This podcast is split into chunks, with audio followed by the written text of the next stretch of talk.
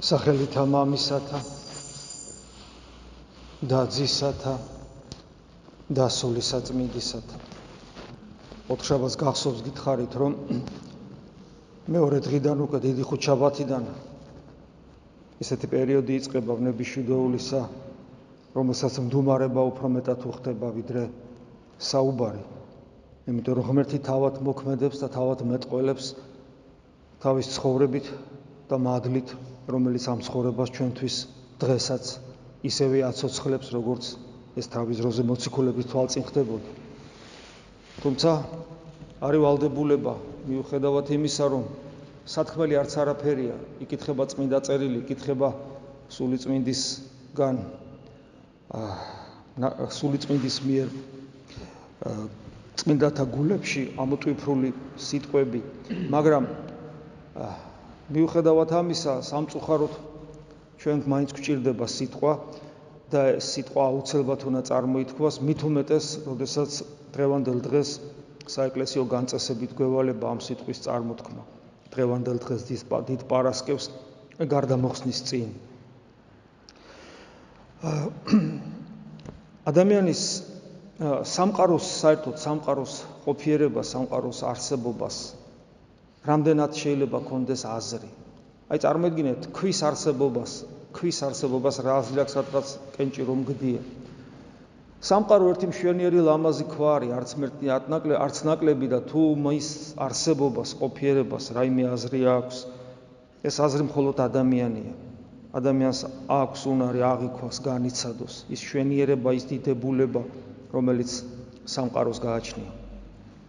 და ეს გასაგებია თითქოს და ბევრი ფიქრიც არ ჭირდება ამას, მაგრამ ადამიანის არსებობას, ადამიანის ყოფიერებას რა შემთხვევაში აქ აზრი თუ ღმერთი არის, თუ ადამიანის გრძნობები, ადამიანის სიცოცხლე, ადამიანის ყოფიერება, ადამიანის ხედვა, ადამიანის განცდა, ადამიანის სიყვარული ასევე მარადიულია.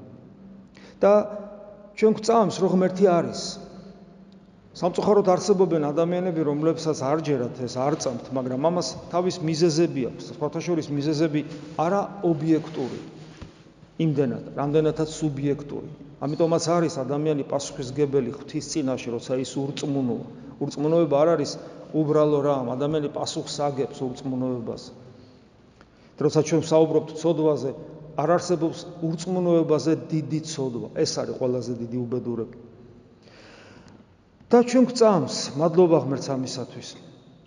მაგრამ ჩვენ ქრისტიანები ვარ და ჩვენ ვიცით რომ ღმერთი არა მხოლოდ არის არის არამედ იგი მოვიდა. და აი აქ იწყება ზუსტად ის რის გამო ჩვენ ახლა აქ ვდგავართ. წარმოიდგინეთ რის გამოც ყველაფერს აზრი აქვს. სამყაროს არსებობას ჩვენ არსებობას ჩვენ აქ ყოფნას ჩვენ ერთმანეთსადმი ურთიერთობას სიყვარულს მეგობრობას, ყველაფერ ღირებულს. რის გამოც ამ ყველაფერს აზრი აქვს, ის მოვიდა ჩვენთან. მოვიდა ჩვენთან და ჩვენ რა უქენით? კი ვნახეთ, ვიცით და ცდილობთ ახლა ახლა განვიცადოთ. იერუსალიმი, სადაც ეს დრამა გათამაშდა, ეს ეს ეს ეს ლოკალური ადგილი ერთის ხრივ ისტორიულად ყოფითად, მაგრამ მაგრამ ეს ისტორიულად. მაგრამ თავისი არსობრივი მას არსობრივი დატვირთვა აქვს, არსობრივი მნიშვნელობით იგი ყოვლის მომცველი გლობალური მოვლენა არის. იგი დღევანდელ დღესაც ისევე მოქმედებს და ისევე არსებობს და ისევე ისევე რეალიზდება როგორც თავის დროზე მაშინ მოხდა ეს. არაფერი არ შეცვლილა.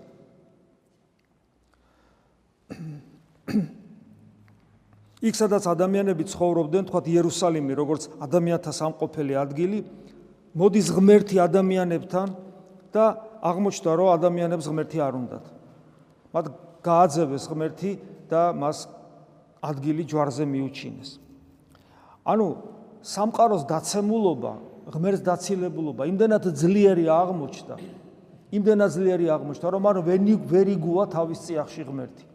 და მას შემდეგ 2000 წელზე მეტი გავიდა, მაგრამ არაფერი შეცვლილა. ყოველ შემთხვევაში არაფერი შეცვლილა უკეთესობისკენ. უარესობისკენ კი ვფიქრობთ უფრო მეტად შეიცვალა.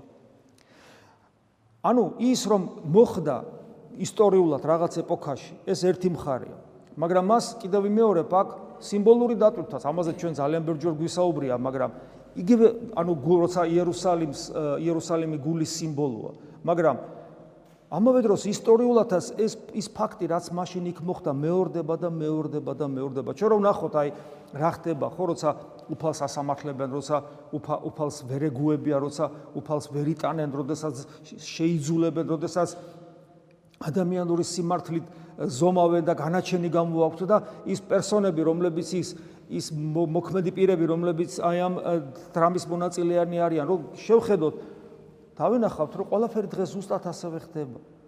ჩვენც ხშირად ასეთნი ვართ ზუსტად მიუხედავად ჩვენი რწმენის ჩვენ ყველაზე ახლობელი ადამიანები მოციქულები. ხედავთ მოციქულები თითქმის ყველა იოანეს გარდა ყველაზე უახლოესი ადამიანები ტოვებენ და გარბიან. ანუ ეს სულ მოკლეობა შიში როცა რწმენისაგან აღარაფერი რჩება.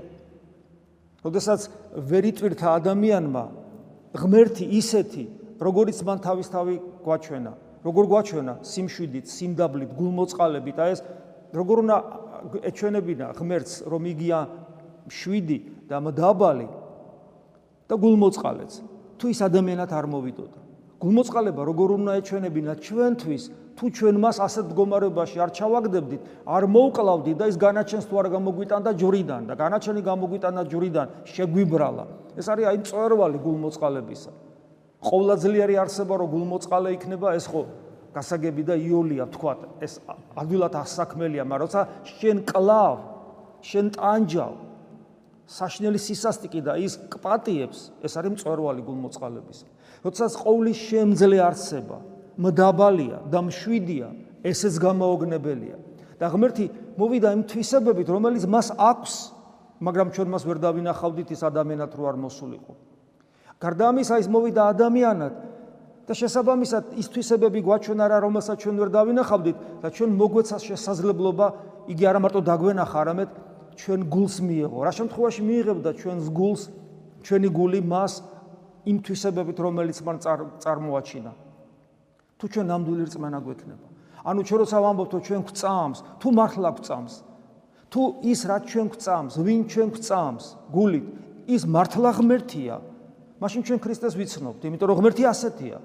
ხოლო თუ ჩვენი გულით ვერ ვიცანით იესო ქრისტე, როგორც ღმერთი, ესე იგი ჩვენი რწმენა არ არის უყოფილი, ან გულში კერპი გვაქვს. და ჩვენ ხედავთ, რომ მოციქულებს ეს ემართებათ, იმიტომ რომ ხო ხვდებით მათ, რომ ქონოდათ სისავსე რწმენისა, რომ იესო ქრისტე სამყაროს შემოქმედი ღმერთია, ისინი არსად არ წავიდოდნენ, როგორ დატოვებდნენ, გამორიცხულია, მაგრამ ისინი ამას აკეთებენ, იმიტომ რომ მათი რწმენა არ არის სავსე, ნამდვილი, სრულყოფილი. ჩვენ რაღა უნდა ვთქვათ? ჩვენ ესე იგი ეს საშროება ჩვენ წინაშე სდგათ მიუხედავად ჩვენი ქრისტიანობისა. მაშინდელი სასულიერო პირები საოცრებაა მაშინდელი სასულიერო პირები იმიტომ ვერ ხედავენ ქრისტეს, რომ მათ რელიგიური ჯული აქვს და ეს რელიგიური ჯული ღმერთისგან მოცემულია.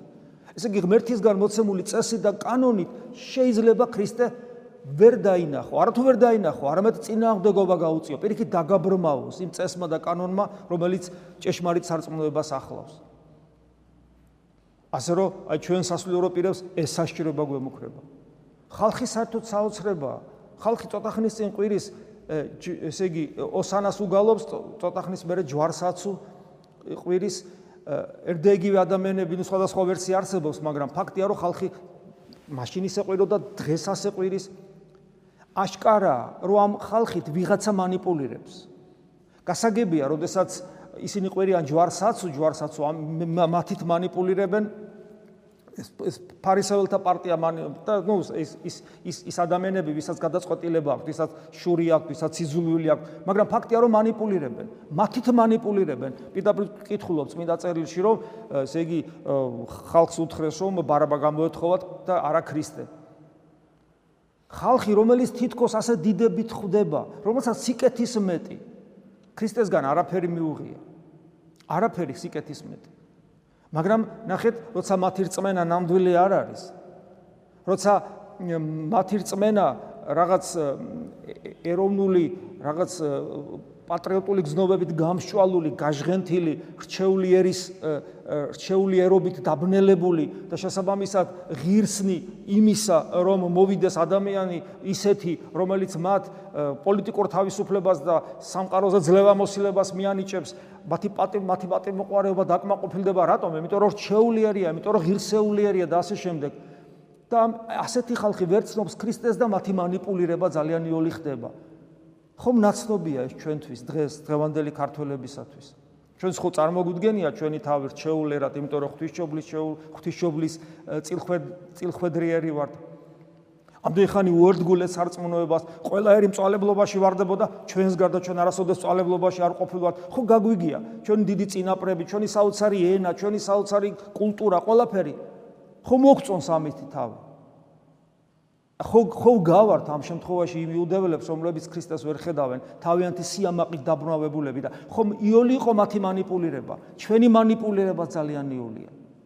და თუ ჩვენ გადავხედავთ ჩვენს უახლეს ისტორიას, დიახაც მუდამ მუდამ ამას განვიცდით. ჩვენი ერი მუდამ, აი, შევხედეთ, დაულაგებელი ერი.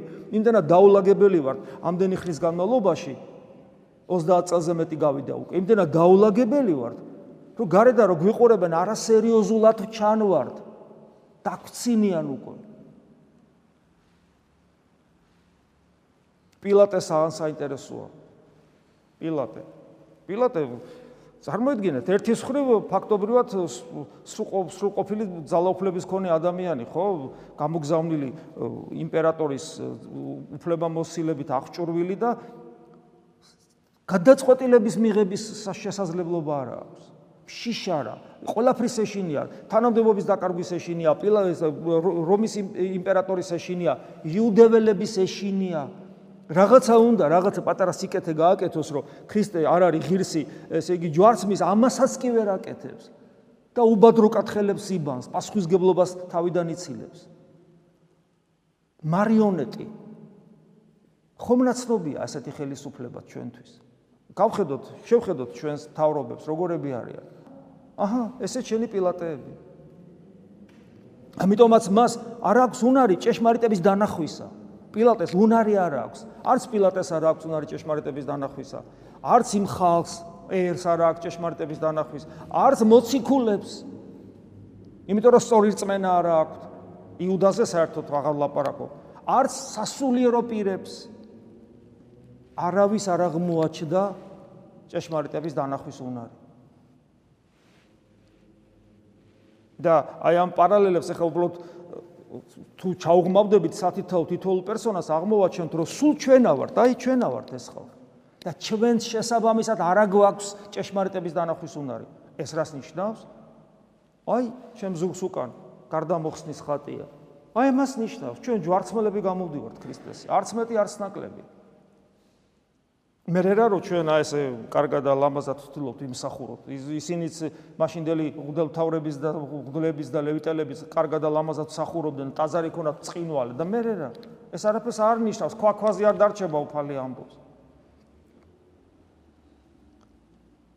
და თან ისეთი ფორმით იქნა მოკლული აი მოკლულიც არ ქვია აი წარმოგიდგენიათ ესე იგი ხო ვკითხულობ სახარება ხო ემოციებისგან დაცლილია ხო დასინიან ხო ცემენ თან როგორ პილატემ რატო რატო რატო რატო გაიმეტა ესე საცემრად ხო? თითქოს არ უნდა მაგრამ ეს ეს ეს არ ვიცი ინტუიციური ბოღმა ღმერთისადმი აი ეს დაცემული ბუნები და მთელი სამყარო რო დაზიანდა ადამიანის ადამიანის დაცემის გამო და ძეცსა და ეკალს რო აღმოაცენებს მიწა ხოლო ჩვენი გული სულიერ ძეცსა და ეკალს. ეგოიზმს, სიძულვის, ბოღმას, ბრისხანებას, სიამაყეს, ამპარტავნებას. აი როგორც კი ღმერთი დაინახეს სუსტი არიციან რა ღმერთია მაგრამ აი სიძულვილი, სიძულ დემონური სიძულვილი გაუჩნდათ მის მიმართ. ხელში ჩაიგდეს თითქოს ნაფურთხი, წარმო სახე, როგორი სახე ექნებოდა ქრისტეს, ხო წარმოგიდგენიათ? სისხლი, ნერწყვი, ნაცემი, ჭუჭყი, ტალახი, ადამიანის სახე აღარ ექნებოდა. და რა თქმა უნდა, იერუსალიმი როგორც სიმბოლო ჩვენი გულისა. აი პავლე მოციქული რო ამბობს, რომ რომ ქალაქის გარეთ მოიკლა უფალი და განიდევნა ქალაქიდან ანუ ადამიანთა სამყოფელიდან განიდევნა და ჩვენც მასთან ერთად გავიდეთ პავლემოცკული ამბობს და ყვედრება მისი მივიღოთ. ანუ ერთადერთი გზა ქრისტიანს რჩება ერთადერთი გზა რომ ქრისტეს უერთგულო, რომ გქონდეს მზაობა აი მოჭიმული ჩახმახივით უნდა იყო. ეს არიცის არავინ როდის დაუდგება ეს მომენტი, ეს წამი, მაგრამ რეპეტიციას უფალი ყოველ წამს გვატარებს, რომ თუ საჭირო გახდა, უნდა ქრისტეს წყვილებს ატარებდა და რაღაც მომენტში მას უნდა მკვეთრად უერთგულო და ამისათვის მოგიწევს, როგორც პავლე მოციქული ამბობს, მასთან ერთად გავიდეთ ქალაქიდან და ყვედრება მისი მივიღოთ. იმიტომ რომ ამ სოფელს ქრისტეს ზულს. ამიტომ როცა ხანდახან ჩვენ გვიკვირს ხოლმე, გვიკვირს ხოლმე სასულიერო პირებს, რომ გარე სამყაროს ჩვენ არ უყვარვართ, ეს გაკვირვება ღიმლის მონგრელია. გარე სამყაროს არ უყვარხარ კი არა. უბრალოდ რომ დავდივართ, ვარსებობთ, რაღაცას ვაშენებთ, ვაკეთებთ, ეს უნდა გვიკვირდეს. სულ 100 წლის წინ საქართველოში ქვაქვაზე არ რჩებოდა და სადაც კი მღვდელს წაასწრებდნენ და ქრისტიანს ხრეტდნენ, სულ 100 წლის წინ. 100 წელი ხო რა არის? არაფერი არ არის. და ამას ქართველები აკეთებდნენ, მინა გითხრათ, მონათრული ადამიანები აკეთებდნენ ამას. ხანდახან ადრე მაზიარებელი და თვით სასულიერო პირებიც კი აკეთებდნენ ამას. როცა შემოტრიალდებოდნენ და სხვანაირად ხედავდნენ. და თუ ჩვენ გვინდა რომ აი ამ უბედურების თანამონაწილი არ გავხდეთ, რასაც ქრისტეს მკვლელობა ჰქვია და სამყაროსთან ერთად არ აღვძდგეთ ჩვენი შემოქმედის წინააღმდეგ და ჩვენ ცხოვრებას ხაზი არ გადაუსვათ, მაშინ პირველ რიგში ჩვენ უნდა ვიზრუნოთ ჩვენს იერუსალიმზე, რომელიცაც გული ჰქვია. რომ ჩვენი გულიდან ჩვენ გულში არ განმეორდეს ის ისტორია. ის ისტორია რაც 2000 წლის წინ მოხდა და რაც სულ მუდამ მეორდება, სადაც ეკლესია არსებობს. ჩვენ ეკლესიის ისტორიას წარსულშიც თუ გადავხედავთ, აი უახლოეს აი უახლოეს აწყოში, აი უახლოეს პერიოდში, იგივე აღმოსავლეთში მაგალითად, ხო? აღმოსავლეთის ქვეყნებში. რამდენი შემთხვევაა ამისა, უბრალოდ ქრისტიანებს იმიტომ კლავენ, რომ ქრისტიანები არიან, სხვა მიზეზი არ აქვს. სიძულვილი უფლისადმი. სხვადასხვა რელიგიის ღმერთის სახელით ამასაც უფალი გვაფრთხილებს, რომ თქვენ რო დაგხოცავენო, ეგონებათ რომ ღმერთს მსხვერპლის შესწირეს. ანუ ეს რომ არ მოხდეს ჩვენში, უბრალოდ ჩვენ რომ თანამონაწილი არ გავხდეთ, აი ამ ვაკხანალიისა და ქრისტესადმი დუჟმორეული სიძულვილისა, რომელიც უფრო და უფრო გამწვალდება, მინდა გითხრათ, ახლა საქართველოს ჩვენ იმედი გვაქვს, რომ რაღაცა შვება გვექნება ცოტა ხანი და ცდილობთ, მაგრამ ზოგადად სოფლიოში ეს უფრო და უფრო გამწვალდება და ანტიქრისტეს გამეფებით დამთავრდება. დღეს იქნება ხვალ თუ ზეგეც აუცილებლად მოხდება. ხანდახან ვიცით ხოლმე, რომ ოღონდ ჩემ დროს არ მოხდეს, აბა ჩემი შვილი შვილის დროს მოხდეს, არ ჯობია ახლა სანამ პასუხისგებელი ვარ ჩემ დროს მოხდეს, ვიდრე ჩემმა შვილის შვილმა იტვირთოს, როცა ის გაიზდება. გესმით? კაც მარიცის როდის იქნება, მაგრამ ჩვენ რომ აი ამ აი ამ ქრისტეს მიმართ მიმართულ აი ამ უგუნურ ბრძოლაში რო არ ჩავებათ, ამისათვის საჭიროა ჩვენი გული შეიცვალოს. და ჩვენი გული ამ შემთხვევაში როგორც სიმბოლო იერუსალიმის, ან იერუსალიმე როგორც სიმბოლო ჩვენი გულისა, რომ ჩვენი გულიდან არ გავდევნოთ ქრისტე, არ გამდევნოთ ქრისტე და ჯვარს არ ვაცვათ. ანუ ჩვენ აქ ყოფნას მხოლოდ ერთი რამის გამო აქვს აზრი.